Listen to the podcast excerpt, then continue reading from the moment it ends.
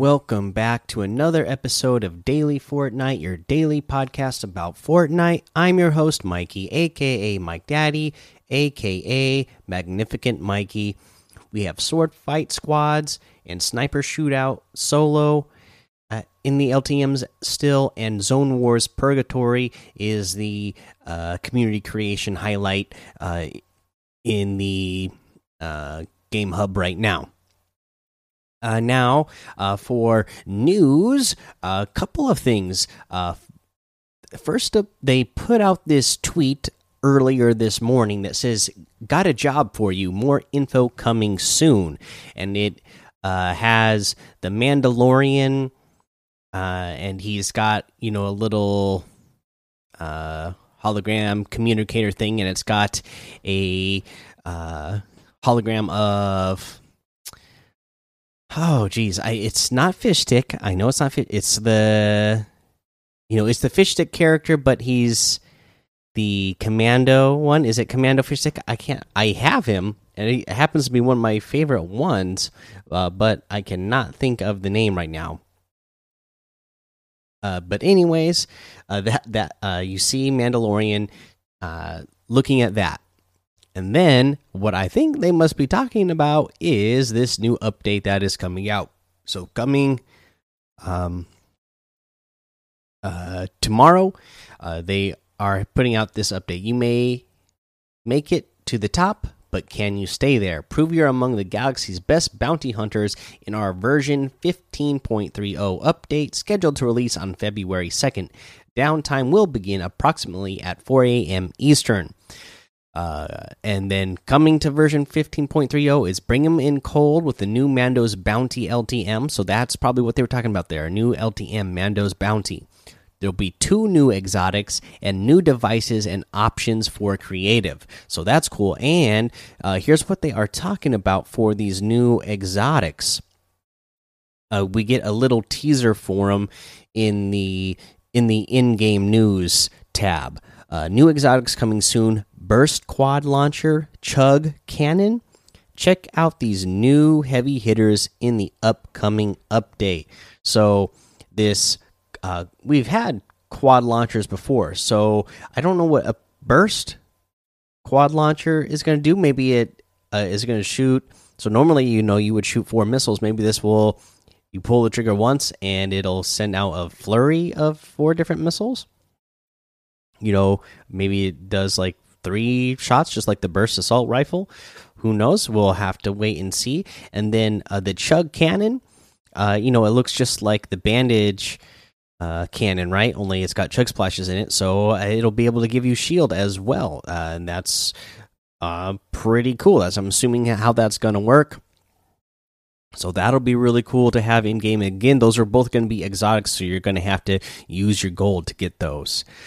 Uh, let's see here. Uh, there was a couple other things uh, that we can talk about in the news that aren't related to this update. Uh, just a couple of uh, posts here. So they have. Let's do these. The football takes over Fortnite for the big game with NFL outfits, creative, NFL Rumble, and more.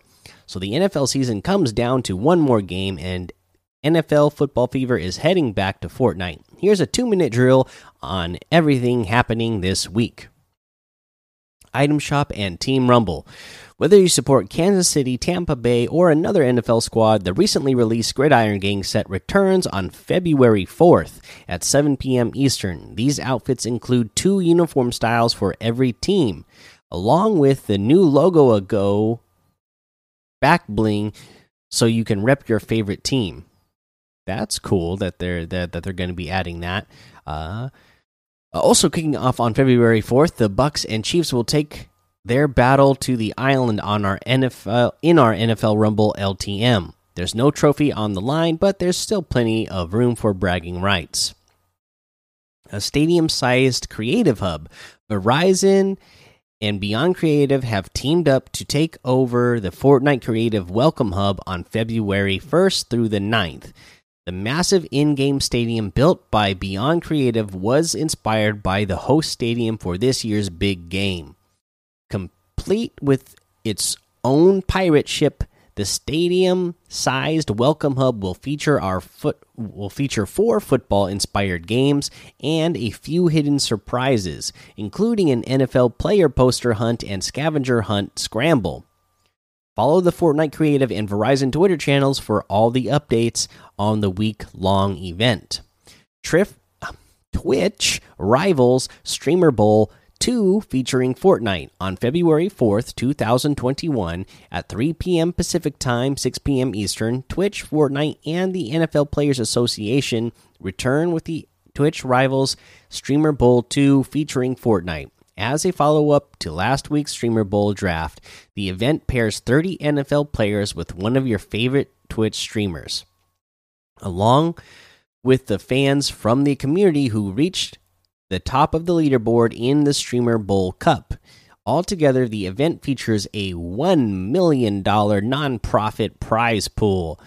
The Twitch Rival Streamer Bowl 2 featuring Fortnite will also include a Rocket League halftime show featuring T Pain and Big Cheese Kit, a number of athletes such as San Francisco 49ers tight, tight end George Kittle and wide receiver Trent Taylor, along with streamers John Sandman, Athena, Chell, and Sunless Khan.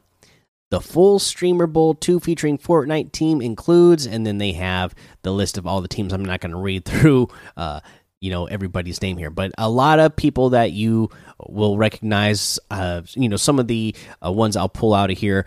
Uh, you know, for streamers, you're going to recognize like uh, Nick Mercs, Maddie NF, Loser Fruit, Ninja is going to be there. Nickeh30 uh, Emod, Nate Hill, Reverse 2K, Cypher PK, Somerset, uh, Bugha. You know, so you're gonna clicks. You know, you're gonna be getting a whole lot of your favorite favorite uh, streamers in here playing with your favorite NFL players like Juju Smith Schuster, Kirk Ben Kirk, uh, Christian McCaffrey, Jarvis Landry, uh, and you know just a, a whole uh, slew of NFL players.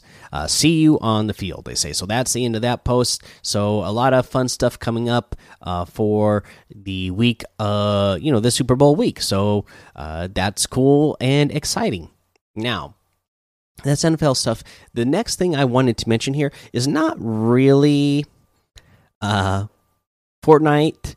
It's not about Fortnite at all, but I just am relating it back to Fortnite just because I want to uh, just give Fortnite props for how much it has affected the game industry. So if you didn't hear the news yet, uh, MLB The Show, right? It's been a PS, uh, you know, a PlayStation exclusive game for years and years and years. They are finally going cross-play because you know the fans demanded it. Uh, they, you know, it is finally going to go. Uh, it was finally going to make its way to Xbox and Microsoft, right? Uh, and that was good for all the fans uh, of MLB The Show that happen to be Xbox users, uh, because this is the best baseball game but not just good enough for it to come to that platform. People like to play together, and because of what Fortnite has done over the last couple of years, people just expect to be able to play with their friends. If they own the same game now, they expect to be able to play that game with the person no matter what console or PC they're on. So I feel like the, you know, Fortnite being so huge in the gaming world uh, that you're starting to see that you know just the uh, the effects of that and how other uh, games and companies are having to follow suit uh, to meet the demand of uh, of their of their user base. And you know, this is something that I feel like Fortnite really kicked off and has really pushed forward. And uh, you know, now it's you know, and it's put the pressure on everybody else to uh, also uh, start doing this because that you know, it, it, would be one thing if people were like, "Oh, well, you know, Fortnite did that and it was so, uh, you know, it, it didn't have any success, so we don't have to do that." You know, it's so successful. Um, Fortnite still being one of the most played games, uh, you know, month to month, you know, you know, over three years later. So they, uh, I, I just, I just love what what they've done and how it's, you know affecting other games I love now and making it uh, more fun to play those games uh, with uh, the influence that they've had. Okay, let's go ahead and talk about a weekly challenge tip now because that's all I got for news for you. You need to deal damage while in water. And, well, that's pretty simple, right? Uh, but, you know, you're, you're, the only problem is, I guess, you have to be in water and you need to be in a place that's busy enough to uh, get this challenge done. Uh, to me, if I'm doing this challenge, um, what I'm doing is going to the big lake, you know, just south of Lazy Lake or just north of uh, Misty Meadows. There's always a ton of people that go to the Misty Meadows area, so you can get in that lake there or the river there and shoot people from there. Or, you know, same thing, Lazy Lake. If you go to the small little lake that's just west of Lazy Lake, you can sit in the water there and wait for all the enemies to go by and get some damage done. Uh, you just got to deal 200 damage in total, so it's not that hard.